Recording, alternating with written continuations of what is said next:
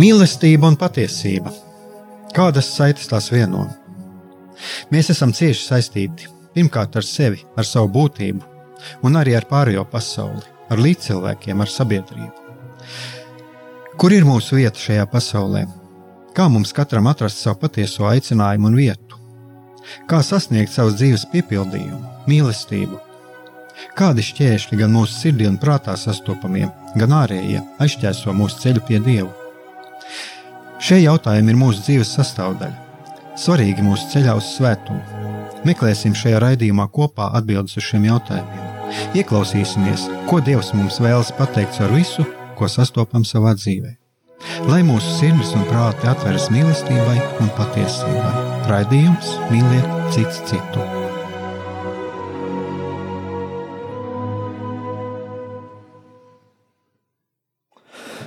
Lai tā slavēts Jēzus Kristus, esiet sveicināti, darbie radio klausītāji. Šis ir atkal mūsu kārtējais raidījums, mīliet cits citu. Studijā esmu es, Aigārs Brīkmanis, un šodien mums ir atkal viesis, vēsturniece Nadežda Pazukina. Labdien! Un, uh, šis ir tāds kā turpinājums, uh, es domāju, tas turpinājums, ko mēs sākām jau, un, un ko mēs jau sākām, ievadījām jau nedaudz jau kopā ar, ar Edgaru Engīzeru, kur viņš arī jau runāja par to vēsturi, Latvijas vēstures daļu, kas, uh, kas ir lielai daļai sabiedrības nav tik daudz zināma un par kur ir mazāk runāts, un Tātad mēs iesākām to jau šajā vēstures ciklā, runājot par vēsturi. Tāda pagājušajā nedēļā, ne, ne pagājušā nedēļā, bet aizpagājušajā nedēļā mēs runājām ar vēsturnieku Vladislavu Volkovu par minoritāti, par minoritātes iedzienu, un jūs variet arī šos visus iepriekšējos raidījumus atrast arī YouTube kanālā. Tātad, ievadot mīlēt cits citu Bet šodien mēs turpināsim arī par vēl vienu lietu, kas man šķiet arī ir par, ir varbūt dažiem ir kaut kādi priekšstati cilvēki, es domāju, lielākā daļa ir zinājuši, un tas ir uh, vec, vecticībnieki. Un, ja mēs skatāmies arī Nadežda Pazūkina, ir, ir, ir arī no, no, no no, no vēsturniekiem, vai es atradu no Tā, mēģi, mēģināšu paskatīties. Jā. No, no, no, no vai es, es, es atvainojos, es apjuku. jā, es vienkārši te rādu zīmes. Jā. Es esmu no filozofijas un socioloģijas jā, jā, jā. institūta. Man jā, galvā tā ir, ir taisnība. Iekšā, jā. jā, tā ir taisnība. Jā, un vecticība īstenība tiešām ir mana tēma, ar kuru es nodarbos jau diezgan daudz. Es pat baidos pateikt, cik vairāk kā 20 gadu. Bet es pati neesmu no vecticībniekiem, un tāpēc es tā parādīju, ka ne, es, es neesmu esmu no vecumnieku kopienas, lai gan man ir ļoti tuvas attiecības un, un tiešām tāda no, no sirds draudzība ar šiem cilvēkiem, un man šķiet, ka mēs ļoti labi viens otru saprotam. Jā, un, jā, jā man vienkārši tas, eh, man, man vienkārši tāds nedaudz tāds apjukums bija, jo man pēkšņi pazuda šis, teik, šis teksts, un es zinu, no kurienes cilvēks ir, jā, un es arī, cik es uh, atrādu arī internetā atrodams, jums ir arī doktora grāds, bet jūs esat vairāk saistīti ar tā kā ar mākslas vēsturi? Nē, es vienkārši studēju kultūras akadēmiju un arī aizstāvēju savu kultūras, kultūras akadēmiju, Latvijas kultūras akadēmiju. Ah, Latvijas kultūras akadēmiju. Jā, un aizstāvēju savu darbu, arī doktora darbu um, kultūras akadēmiju, un mums vienkārši, jā, ir māks, tas mākslas uh, ir, ir plaši saprastas, jā, ne tikai māksla kā telotāja māksla, bet arī reliģijas studijas, kultūras studijas. Tā kā, mm -hmm. Un katrā ziņā tās lietas, viņas ir uh, arī savstarpēji saistītas, mēs viņas tomēr, nu, nevaram atdalīt. Jā, protams Protams, jā, un, un māksla ir, protams, kultūras sastāvdaļa, un ticība jau ir arī pamatā ļoti daudzām lietām, kas ir gan mākslā, gan kultūrā. Nu, jā, tā arī runā, ka patiesībā ir labi mums zināt arī šo vēsturi, labi pazīt pagātni, pazīt kultūru, tad mēs arī redzam to, kas ir ietverts šajos zīmējumos, gleznās, šajos mākslas darbos. Jā, jā un, un ka... arī kultūras ainavā, ja, ja mēs tā sākam domāt par Latviju, un mēs um, mūsu tēmu pieteicam, kā vecvecinieki Latvijā, ja vecvecnieku kopiena Latvijā, tad, protams, arī baznīcas, ja, dievnami, kurus mēs redzam ne tikai Rīgā, ja, nu, mēs te tā koncentrēti redzam dažādu konfesiju arhitektūras pieminekļus, bet uh, arī um, domājot par Latviju, braucot, um, piemēram, Latgalē, ja, mēs uzreiz lasām lasām, mēs tiešām lasām no arhitektūras vēsturi, ja, un arī, protams, tradīcijas. Ja. Šai ziņā, protams, ir labi zināt tradīcijas, bet man šķiet, ka mēs te Latvijā dzīvojam arī šajā ļoti daudzveidīgajā mm, landšaftā, ja mēs to tā varam apzīmēt, ja, kultūras un reliģiju ainavā. Uh, nu, lūk, tas ir arī tas, par ko es arī runāju, mm, mēs šeit, kad runājam pirms raidījuma, ja kad pašos pamatos jau arī man tā doma ir arī caur šo raidījumu, mēģināt cilvēkiem arī radīt šo interesi, uh, Un arī izpratni par to, ka uh, ir šī mana pasaule, ir gan mana mm, konfesionālā pasaule, ir mana etniskā pasaule, bet uh, bez tā vēl ir arī kaut kas cits. Un tad man uzreiz arī uzreiz tāds jautājums ir, jums tā uh, vecticībnieku lieta, jūs pati nesiet, nepiedarīt pie vecticībniekiem, bet jums ir ļoti liela interese par to. Mm, jā, man, man ir interese, jā. Man ir gan cilvēciska interese, gan arī pētnieciskā interese, taisnība. Jā, un tad kas tas ir tāds īpašais, kas pie tā piesaista? Um, ziniet, nu, ja man jāstāsta tā pavisam personiski, es laikam sākšu ar to, ka es esmu uzaugusi um, Rīgā, uh, Maskavas Forštatē.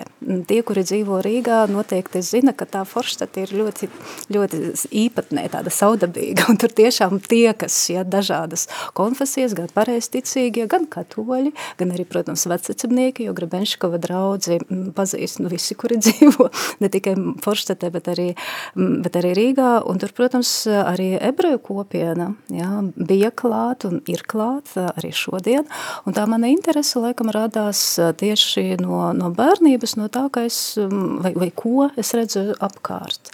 Un pēc tam jāstudējas kultūras akadēmija, kura arī ir Maskavas Forštatē, Ludzas ielā, ļoti tāda omulīgajā vietā ar, ar dārzu, mums bija arī savs dārs kultūras akadēmija, un blakus pāri, gandrīz jau pāri ielai, bija Grabenškova draudze, un gluži vienkārši mēs arī iepazināmies toreiz 90. gadu vidū ar um, draudzes um, pārstāvjiem un laikam, jā, ar to arī sākas šī, šī draudzība.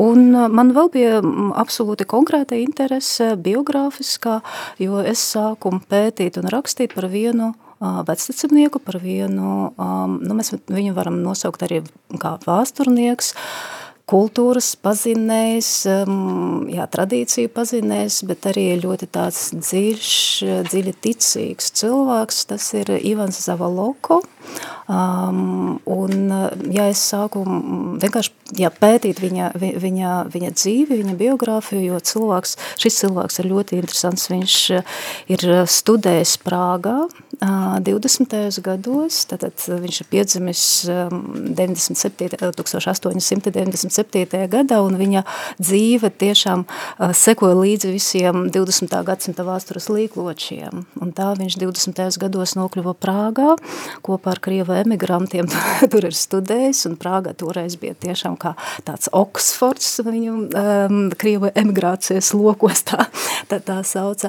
Un tad viņš ir atgriezies um, Rīgā 20. gadu beigās, izdeva šeit um, arī žurnālu, vectecibnieku žurnālu, un vispār bija ļoti, ļoti aktīvs cilvēks um, vectecibnieku vidē, un jā, man šķita, ka tas ir tāds um, diezgan saudabīgs fenomens, ja par vecapniekiem parasti saka, ka viņi ir tādi noslēgti, dzīvo izolēti no pārējiem, ja, un, un nesevišķi tā vēlās varbūt ļoti pietuvināties, ja, apkārtējai pasaulē, bet lūk, Zavaloka gadījums un, un um, tas pulciņš, arī interesantu pulciņš, no, tieši no vecapnieku uh, vides uh, un arī rūpes par izglītību, par jauniešu un arī par bērnu izglītību, un bija patiešām nu, kaut kas tāds vienreizējs, ja tajā kontekstā, un pēc tam tas deva arī, man šķiet tādu ierosinājumu 90. gados, tagad jau runāt par, par mūsdienām,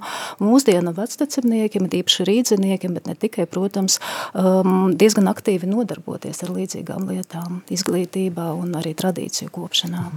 Jā, jūs arī pieminējāt to, ka tā kā, nu, tas priekšstats ir, ka nu, tāda kā vectecībnieku kopiena tā kā tāda norobežojusies. Mm -hmm. Jā. Jā, un uh, ar ko tas varētu būt saistīts? Un, zināmā mērā tas ir arī pareizs priekšstats, jo vēsturiski, ja mēs tā domājam par vecacibniekiem, tie bija tie cilvēki, uh, kuri, uh, nu, jā, domājot par Latviju, Latvijas teritoriju, tie bija bēgļi, jā, tie, kuri tika vajāti savā dzimtenē, jā, un, un viņi ir bēguši prom no šīm represijām un vajāšanām un meklēja vienkārši vietu, klusu vietu, tur, kur viņus neviens neaiz neiztiktu, un kur viņi vienkārši varētu dzīvot saskaņā ar savām tradīcijām un, un, un kopt savu, savu, savu ticību, ja, un savu dzīves iekārtu saglabāt.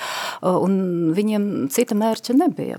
Bet, protams, nu, tā, tā, tāds sākums ja, ir 17. Um, gadsimta otrā puse, ja, par ko es tagad runāju, nu, diezgan, diezgan tāds ceļš ilgs, ja ir pagājis. Jā, un tieši tas arī ir tas jautājums, ko es arī gribēju pievērsties, tas ir tieši šis sākums. Mm -hmm. Jā, vispār var pateikt tā, ka pirmās draudzes un pirmās vecsamnieku kopienas Latvijas teritorijā parādījās gandrīz uzreiz pēc lielās schīzmas, kas ir notikusi Krievu pareisticīgajā baznīcā, un šis moments, jā, tā, tā ir tieši, tas ir tieši 17.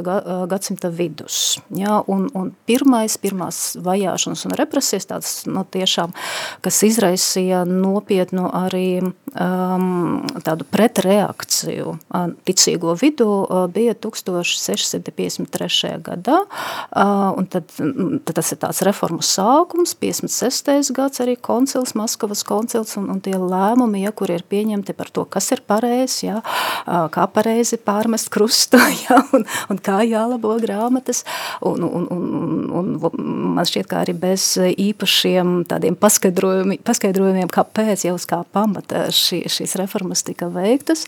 Jā, un tad, protams, tas nopietnākais moments ir um, konc, tad 1666. 67. gada koncils, pēc kura uh, visi, kuri nebija pieņēmuši patriārha Nikona reformas, tika um, nosaukti par uh, ķeceriem, jā, par šķeltniekiem, un īstenībā pat juridiskajā dokumentācijā līdz pat 1905. gadam, jā, tad, tad mēs skatāmies 17. gadsimta otrā puse un 20. gadsimta sākums, Nikolais II un viņa manifests, ja, tad viss šīs, vis, visa šī liela, liela distance vēsturiskā um, vecticamnieki tika saukti par šķeltniekiem. Ja. Tas ir ļoti interesanti. Raskoļņiki, ja, krieviski tas ir raskoļņiki. Mhm.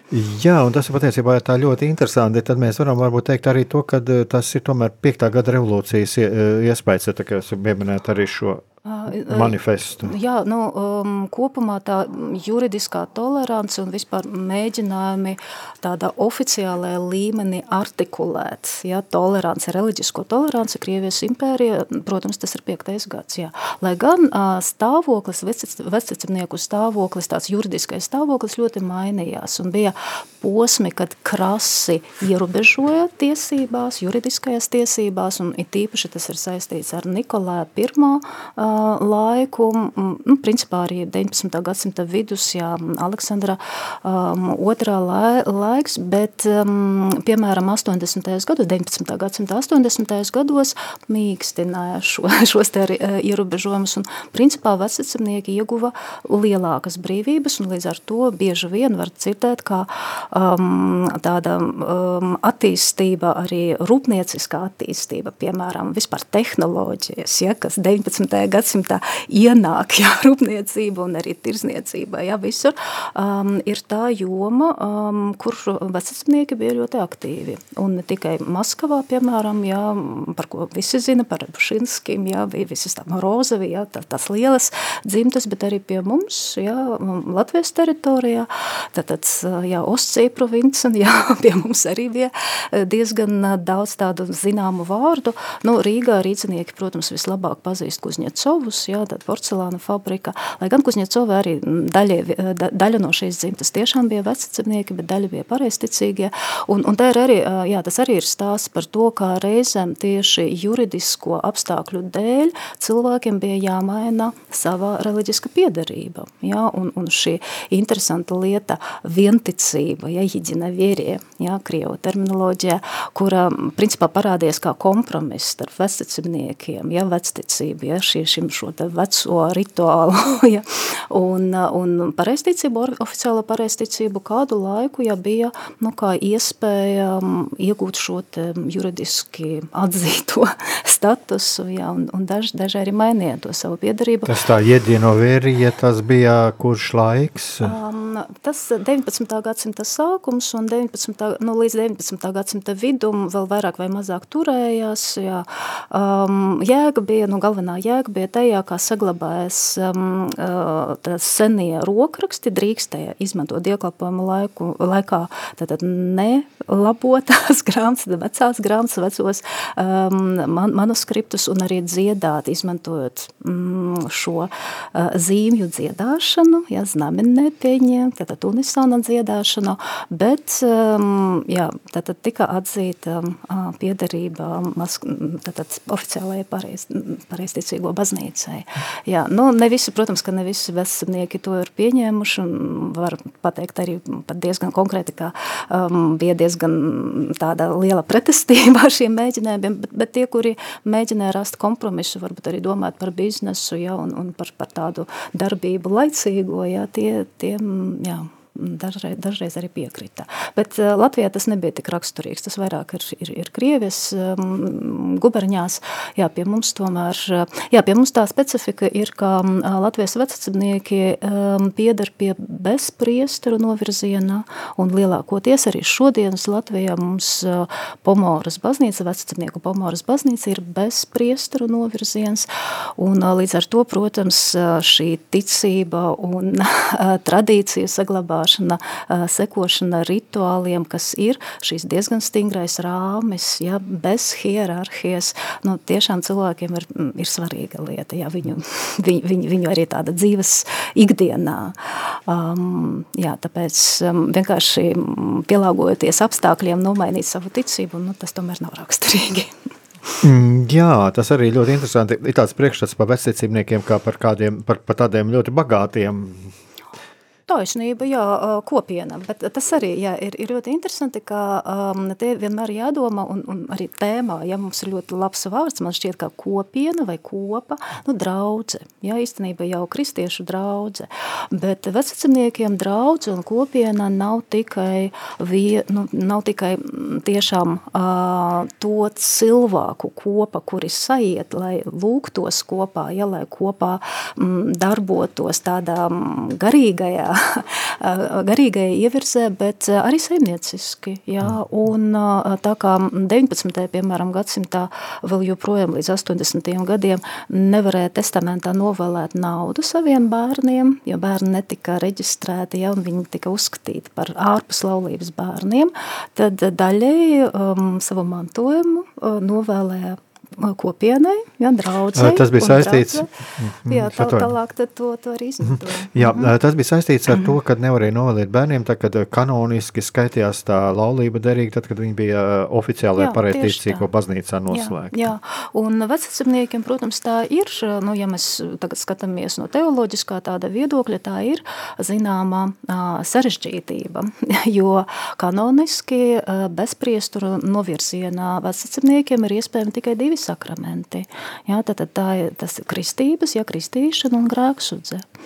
Un tad jau vēsturiski mm, gadsimtu gaitā izveidojas vēl papildus un tādas, tādi rituāli un tradīcijas, kā laulību iesvētīšana, bet tā nav, tas nav sakraments. Ja, tu vienkārši kā atļauja vecāku, atļauja, ja, vai arī garīgie tēvi iesvētī, un te būs, protams, arī atšķirības, piemēram, starp pomoriešiem un fedosejieviešiem. Ja. Tie fedosejieši, viņi tādi ir stingrāki un, un, un varbūt patiešām tālāk prom no laicīgās dzīves, un varbūt arī tas priekšstats pie mums ir izveidojis, tāpēc, ka Latvijā bija ļoti daudz fedosejeviešu, ja, un viņi arī varbūt bija pirmie tā, ja mēs skatāmies chronoloģiski, laikam šīs draudzes tiešām pirmās parādījās mūsu teritorijā, un arī Igaunijas teritorijā, um, bet pomorieši, ja, viņi varbūt tā drusciņi ir liberālāki savos, savos uzskatos. Un kā tas ir šodien, tagad mūsu laikā? Lielākoties ir pamorieši, var teikt, absolūtais vairākums, un mums ir 70 draudzes um, Latvijā,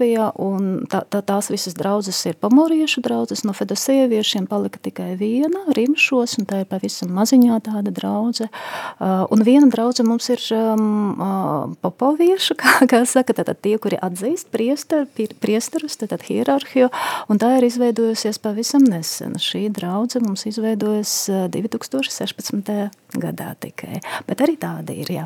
Runājot par Kuzņecoviem, starp citu, jā, daļa no Kuzņecovu dzimtas bija tieši popovieši. Un tāpēc viņiem arī bija vieglāk nodibināt tās attiecības ar oficiālo pareizticību.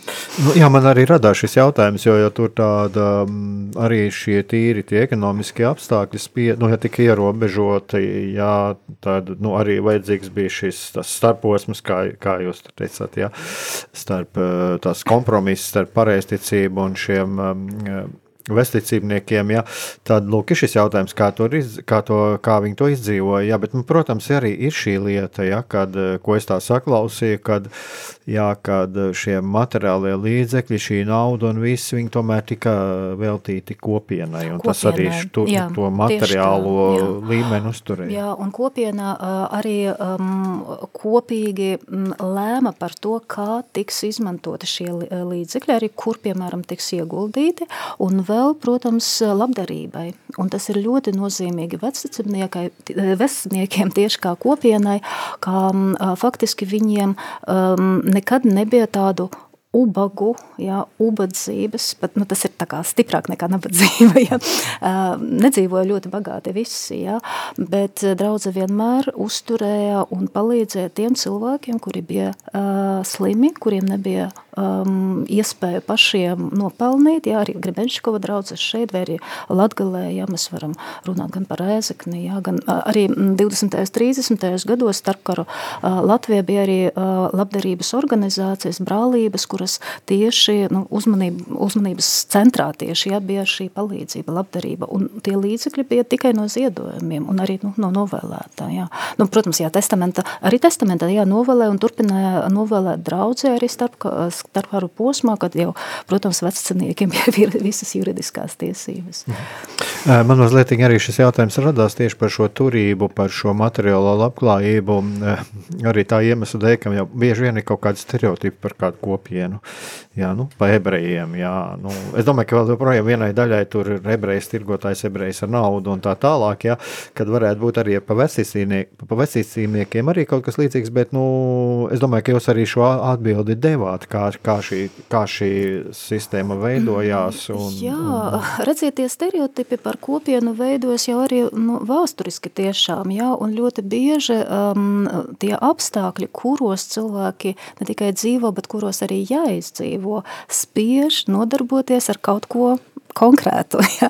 Un, teiksim, vecasapnieki Latvijā, tie, kuri dzīvo Latgalē, ja, un kuri dzīvo patiešām tādās sādžās, viņiem jau galvenā nodarbošana ir lauksainiecība, un viņi ir tādi īstie zemnieki.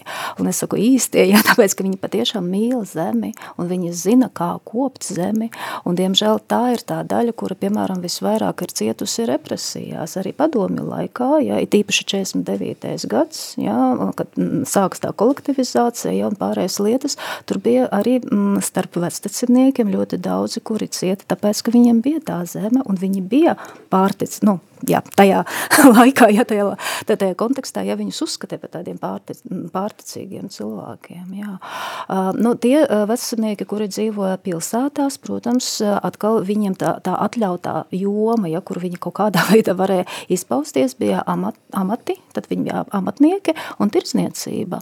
Un Rīgā jau uh, veciciniekiem bija diezgan tādi labvēlīgi nosacījumi, labvēlīgi apstākļi, tīpaši 18. gadsimta beigās un 19. 19. gadsimta sākuma Markīza Pauluči laikā, starp citu, nu nebija ilgs tas laiks, ja, bet, bet bija ļoti labvēlīgs vecumniekiem, un viņus pat um, uzņēma ģildēs. Ja, un, un, protams, ka šīs status jau arī ļāva izpausties varbūt tā plašāk un aktīvāk. Ja. Jā, es domāju, tagad mazliet tādu pauzīti paņemsim, muzikālo pauzīti, un tad varēsim turpināt.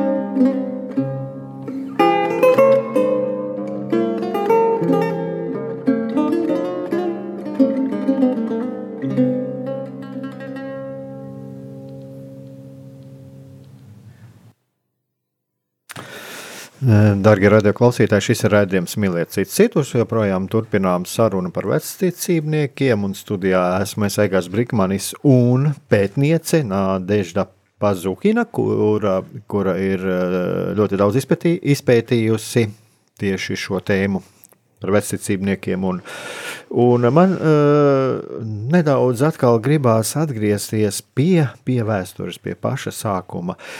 Uh, šī lielā schizma Kā mēs varam skatīties uz vēsturcīmniekiem? Tad mēs patiesībā varam skatīties uz viņiem kā uz tiem, kas ir turēji, kas turās, cenšas turēties pie pie šīs vecās tradīcijas, kas bija pirms šīs eh, reformas.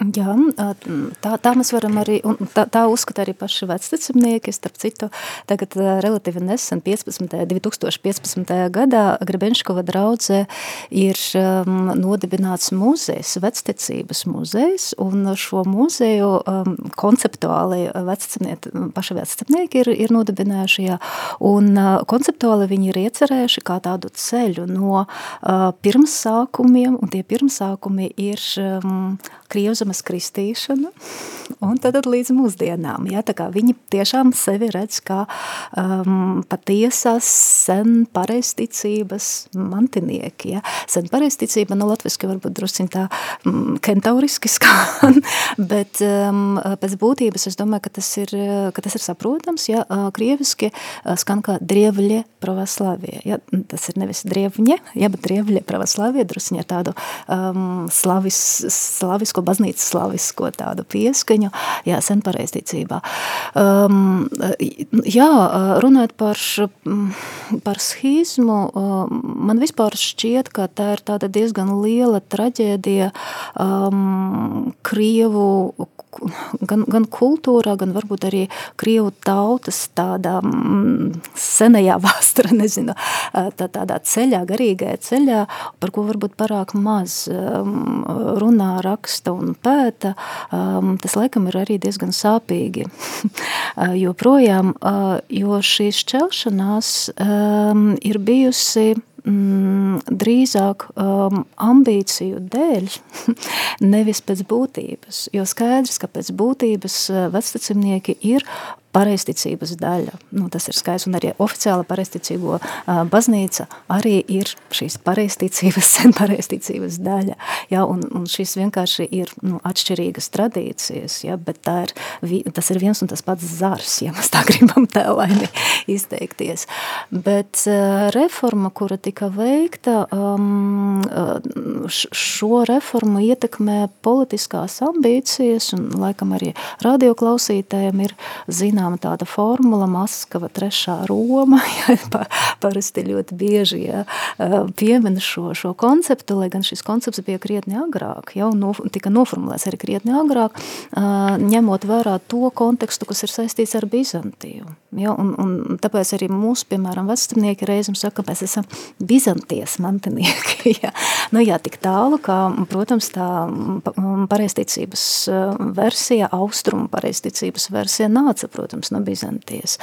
Un tātad 15. gadsimta vidus, 1453. gads, jā, 52. 53. gads, jā, tas ir tas ļoti nozīmīgs laiks, kad kļuva skaidrs, ka Konstantinopole vairs nav šīs centrs, jā, un, nu, Krievzemē to ieraudzīja kā tas bija, stafeti. Tas bija tā, tad varētu atgādināt, tas bija pēc Konstantinopoles iekarošanas. Iekarošanas, jā, jā, jā un, un, protams, kā Konstantinopole kā vieta ir saglabājusies, bet kā garīgais centrs, jā, nu, tika uzskat, tajā laikā arī to tā uztvera, jā, kā vairs neeksistē, un tad pirmā Roma, kura bija katoļu Roma, jā, vairs arī netika uzskatīta par garīgo centru, nu, no, no austrumiem skatoties, Roma, otrā, otrā Roma, Roma Konstantinopole. Par, par jā. musulmaņu centru. Jā, tieši jā. tā krita, un tad kas palika, ja palika Maskavā. Nu, mēs, mēs, protams, arī mums ir jāatcerās, kā arī Maskavas patriarchāts pa, patstāvīgais, ja. Um, Maskavas patriarchāts tika nodibināts krietni, nu, krietni vēlāk, ja tas ir jau sanāk, 16. gadsimts, ja, un, un tas ceļš bija ļoti, ļoti pakāpenisks, un um, um, ļoti nozīmīgs arī Krievu pareisticīgo baznīcas uh, vēsture, uh, tā saucamais simts nodaļu koncils, ja, Stoglāvijas sabors. Um, simts, simts nodaļu, tāpēc, ka bija vienkārši noformulēts simts punktos, ja, un tāpēc simts nodaļu, un tas ir 1551. gads. Un vecticībniekiem īstenībā tieši šīs koncils, baznīcas koncils, Krievu baznīcas koncils arī bija ļoti nozīmīgs, ja tādā ziņā, ka viņa uztvara to, kā kodolu, arī mm, ticības eh, būtības, ja, noformulēto kodolu, un, protams, tās reformas, kuras sākas jau gadsimtu vēlāk, ja, 17. Mm, gadsimta vidū, tika uztvertas nu, diezgan, diezgan tā ar aizdomām, ja, jo tik tikko ir mm, noformulēts kaut kas, kas ir par būtību, ja, par Krievu pareizticības būtību, un pēkšņi atkal kaut kas ir jāmaina, un, kā es jau pieminēju, bija diezgan daudz arī politisko faktoru, ja, un tad tā pielīdzināšanas bija grieķu paraugam, lai gan visi jau saprata, ka tas grieķu paraugs, modernais grieķu paraugs tajā laikā, 17. gadsimtā vairs nebija tas avots, pirmavots, no kuras smēlās Krievzemē agrinējos viduslaikos. Nu jā, un, nu, un, protams, arī šodien mēs varam spriest tā no, no, no 21.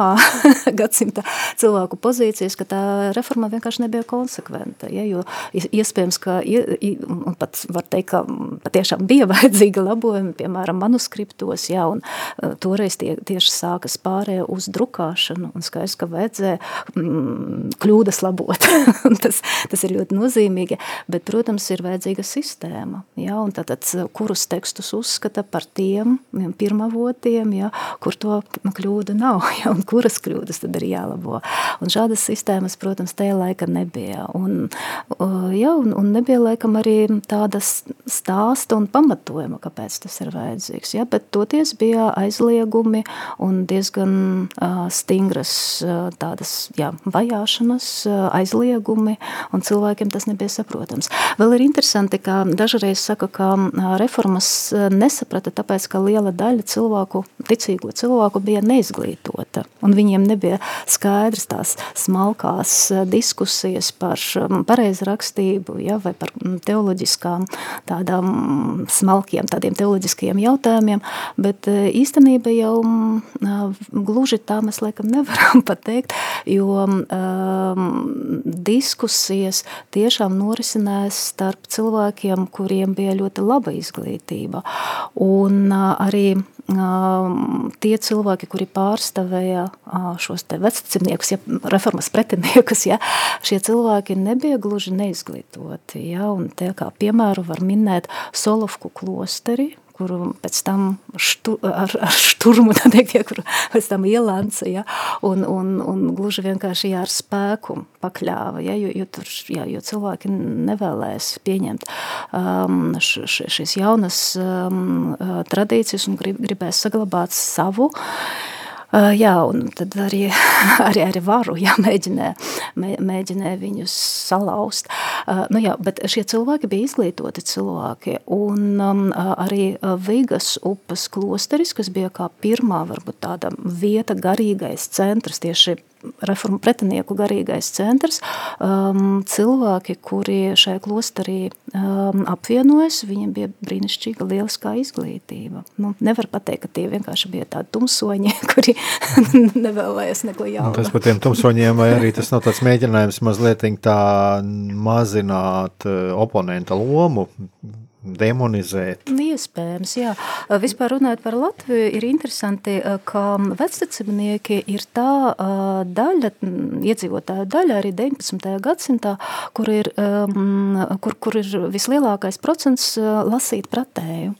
Un pēc tam, kad jau 19. gadsimta beigās mēģināja arī to statistiku ap, apkopot, izrādījās, ka jā, nu, vectecībniekiem bija vienkārši jālasa mājas tās grāmatas, un, un viņi arī kā mā, mājas izglītību, ja, šīs iemaņas, protams, arī attīstīja bērnos, un cita lieta, ka viņi varbūt krieviski nevarēja tā bez kļūdām uzrakstīt, tāpēc, ka viņi, viņi nemācies skolās, ja, un viņi to um, aktuālo krievu valodu un aktuālo gramatiku nepazina tā tik labi, bet viņi lasīja baznīcaslavu valodā un, un dziedāja, protams, jā, un š, jā, tik tālu, protams, viņi lasīja. Man uzreiz nāk prātā, man uzreiz nāk prātā Eiropā, vai tad mēs tur Husu, Luteru vai Kalvinu varam uzskatīt par mazizglītotiem, es domāju, ka nu, nebūtu nē, tā kā mazliet var, ar, var derīgi arī paskatīties uz to, kas eh, kaut kur, nu, varbūt ar kādu gadsimtu nobīdi, jā, bet, nu, notika ne tikai Krievijā, bet arī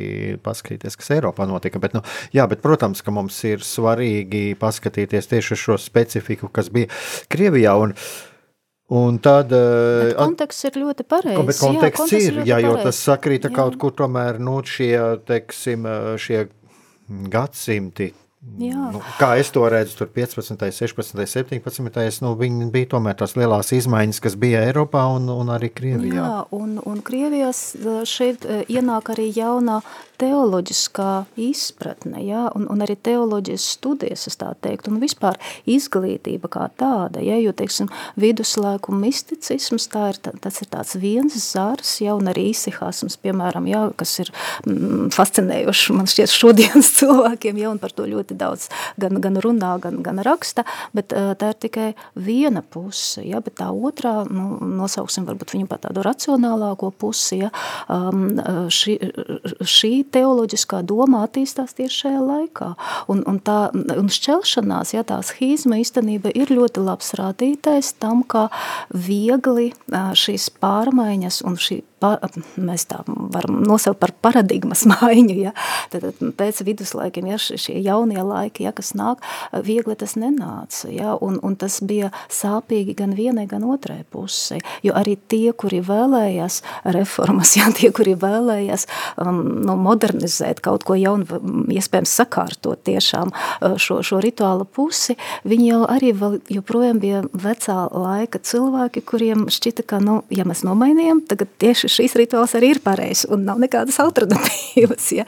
Nu, šeit, šeit ziņā vēl, vēl mm, iepriekšējā, uh, iepriekšējā kultūras pieredze bija tomēr noteicoša. Jā.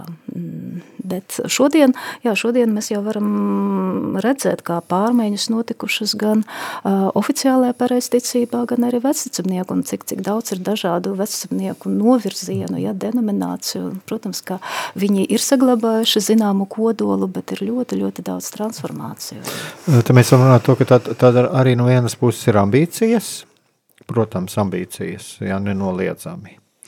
Un otrs puses arī mm, dialoga trūkums, un pa, savā ziņā pat trūka šo dialoga prasmju. Mēs arī tā varam runāt. Lai gan atkal jā, nu, cik mēs varam to zināt no tiem laikiem, jā, mēs tajā laikā nedzīvojam. grūti, protams, mēs tikai pēc tekstiem varam kaut ko rekonstruēt, bet nu, pēc rakstītajiem tekstiem, jā, bet kā, piemēram, notika sprediķošana, jā, jo caur sprediķi jau ļoti daudz, ko cilvēki gan ieguva, gan arī iegūst šodien, jā, nu, šodien mēs varam ierakstīt sprediķi, jā, toreiz ļoti bieži tas tieši mutvāru tradīcijā saglabājas, jā, un pateicoties vecacimniekiem parādījās arī kritiskie raksti, kritiskās vāstules, kritisko epistulu žanrs. Jā, piemēram, Protopovs Avakums ir rakstījis, viņš rakstījis caram Aleksējam Mihailovičam, jo šī reforma nenotika tikai baznīcas līmenī. Jā. Protams, kā arī cārs Aleksējs Mihailovičs, viņš, viņš ļoti atbalstīja šo visu pasākumu, jo viņam šķita, ka tādā veidā ir iespējams um, um, uzbūvēt jaunu pareizticīgo valsti kurā būtu visi pareizticīgie, tad ne tikai Krievzeme, bet arī Grieķija, tad, tad Grieķu pareizticīgie, jā, varbūt arī no Ukrainas puses, ja, jo tajā laikā arī politiski, jā, tiešām bija diezgan liels ambīcijas. Mm, jā, tā kā te, te šīs saiknes beidos kā saikne um, starp baznīcu un politiku, it īpaši oficiālu baznīcu un politiku, mm, šai saiknei bija liela nozīme, un tieši uh, tas deva mm, tādas pilnvaras oficiālajai mm, pareizticīgo baznīcai nosaukt vectecimniekus pašķeltniekiem un citiem vārdiem arī nelojāliem pavalsniekiem, un tāpēc viņi tika arī vajāti, ja? jo mm, Krievijā mm, vienīgā oficiālā baznīca bija pareizticīgo baznīca. Ja, ja tu Jā, neesi pareizticīgais. Daļai, daļai man šķiet atbildējāt jau uz to jautājumu, ko es gribēju uzdot, jo man, nu, ir Es nezinu, cik ir sabiedrībā priekšstats, es vairāk varu tikai vadīties no tā, ko es esmu pats uh, lasījis un, un, uh, un kā tiek uh, atspoguļota Krievijas vēsture. Lūk, kad nu, Pēters I, kas padarīja uh, pareizticīgo garīdznieku par tādu kā Krievijas uh, valsts ierēdni, bet es domāju, ka tā jau ir būtībā šīs iezīmes, viņas gāja cauri jau būtībā jau agrākajam laikam, un, un patiesībā tā bija arī Eiropas iezīme, ja mēs paskatāmies kaut vai Latvijas vēsturi, Zviedru vidzemi un, un, un, un, un po, poļu, poļu latgali.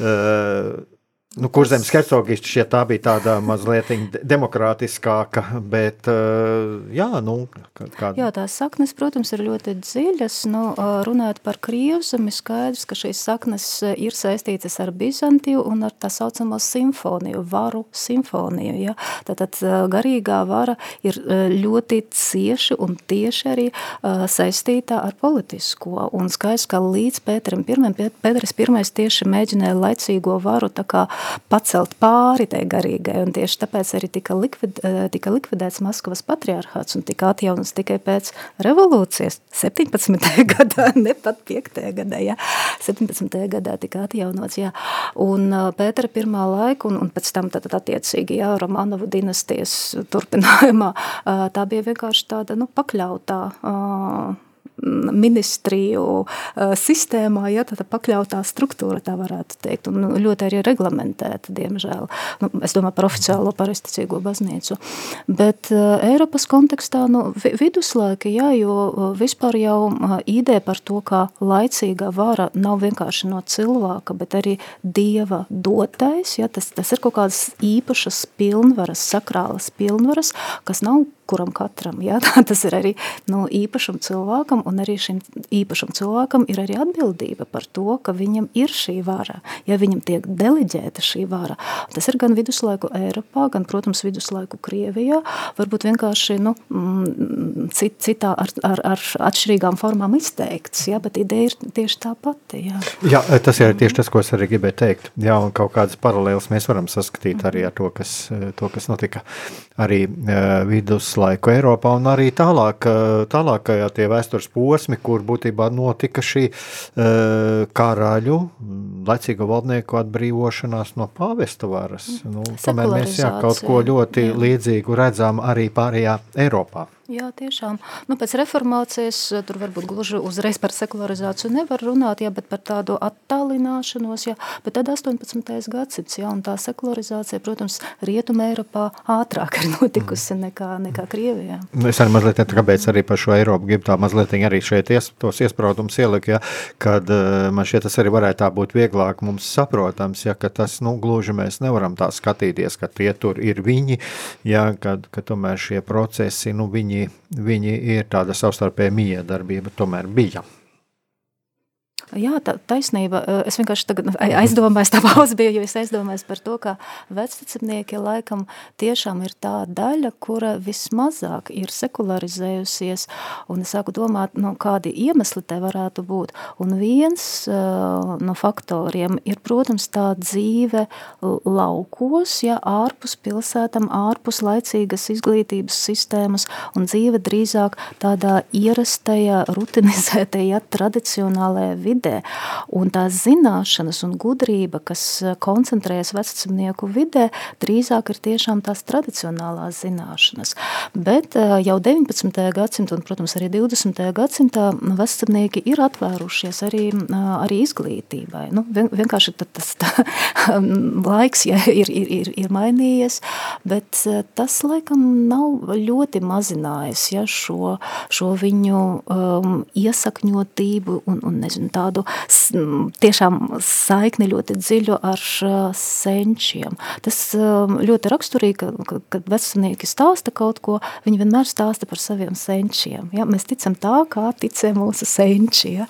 Un, jā, šī saikne ar pagātni, ar savu pagātni ir ļoti, ļoti svarīga joprojām. Viņiem. Tagad jau mums jau pamazam rēdījums jau tuvojas noslēgumam, un uh, es mm, par šodienu kā ir šodien vecticībniekiem, vai ir kādi kontakti ar pareizticību, nu, ar šo oficiālo pareizticību, eh, ar kādām citām konfesijām, izņemot nu, tādu, jā, nu, tādu personīgo līmenī cilvēku kontaktu savā starpā, bet eh, vai ir tāda, nu, kaut kāda vairāk šāda sadarbības mēģinājumi, vēlēšanās kaut Tas ir diezgan sarežģīts e, jautājums. Protams, ja mēs domājam par tādu reliģisko um, tradīciju, vecacimnieki ir ļoti konservatīvi. Viņi ir izteikti konservatīvi.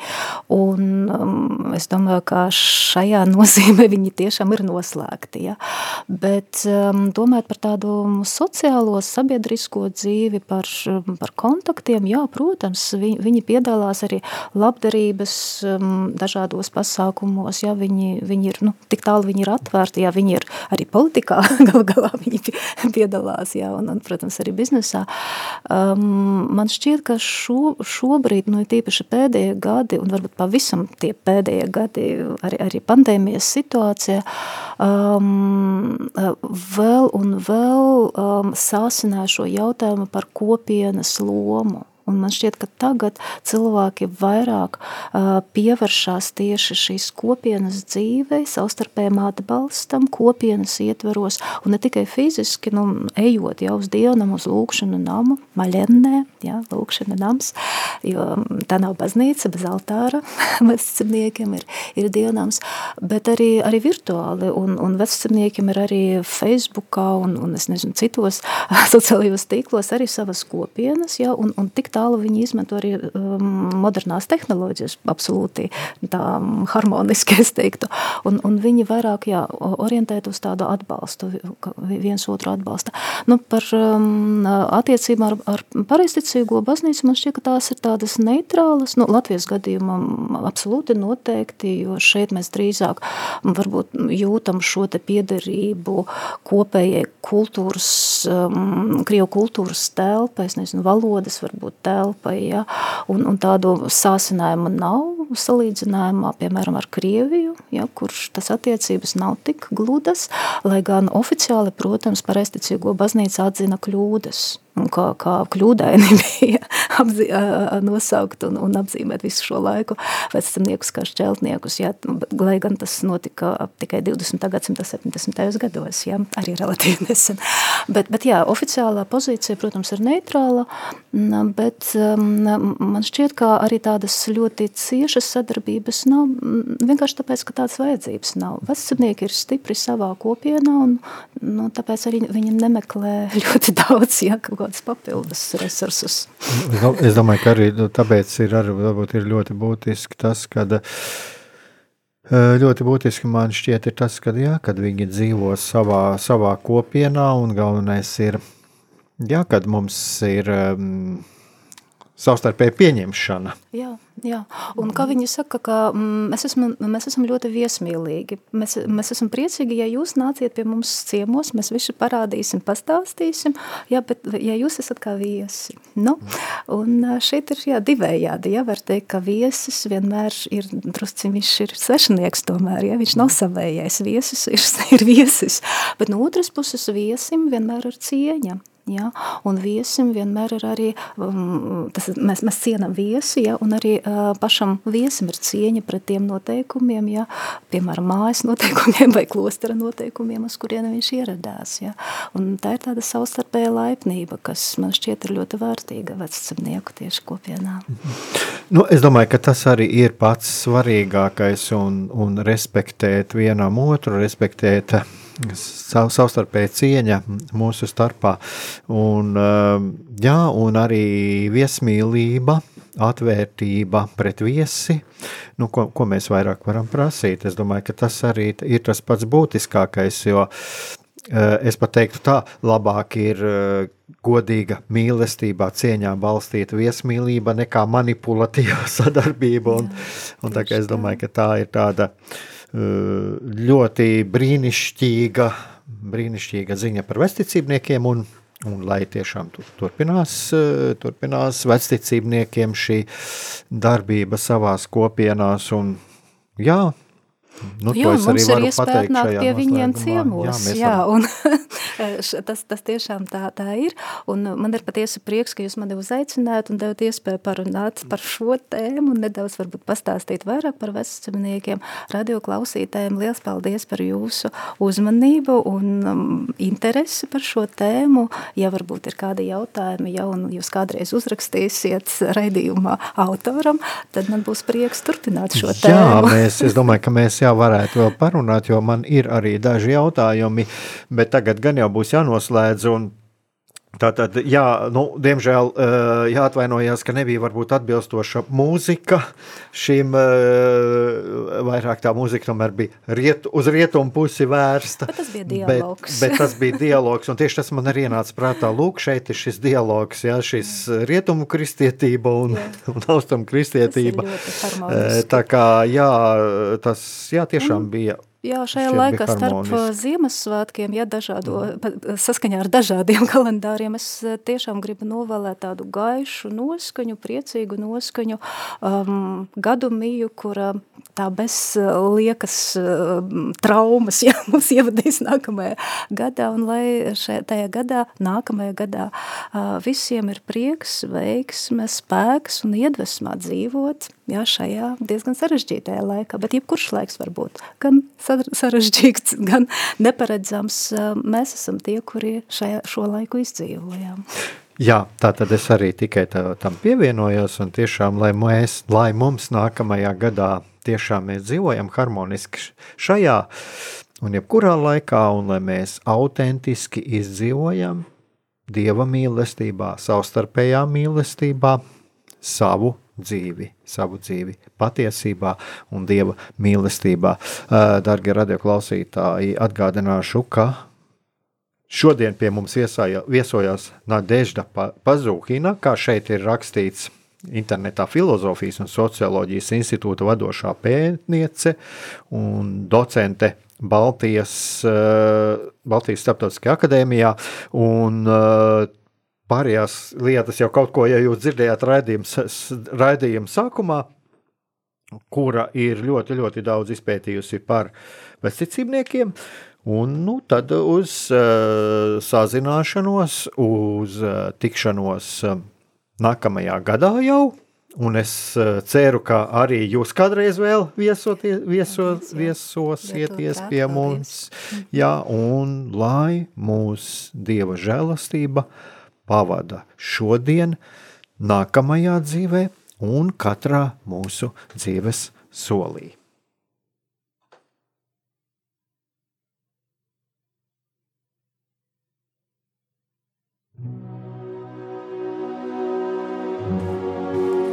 Mīlestība un patiesība. Kādas saites tās vieno? Mēs esam cieši saistīti pirmkārt ar sevi, ar savu būtību, un arī ar pārējo pasauli, ar līdzcilvēkiem, ar sabiedrību. Kur ir mūsu vieta šajā pasaulē? Kā mums katram atrast savu patieso aicinājumu un vietu? Kā sasniegt savas dzīves piepildījumu, mīlestību? Kādi šķēršļi gan mūsu sirdī un prātā sastopamie, gan ārējie aizķēso mūsu ceļu pie Dieva? Šie jautājumi ir mūsu dzīves sastāvdaļa, svarīgi mūsu ceļā uz svētumu. Meklēsim šajā raidījumā kopā atbildes uz šiem jautājumiem. Ieklausīsimies, ko Dievs mums vēlas pateikt ar visu, ko sastopam savā dzīvē. Lai mūsu sirds un prāti atveras mīlestībai un patiesībai, raidījums mīliet citu citu.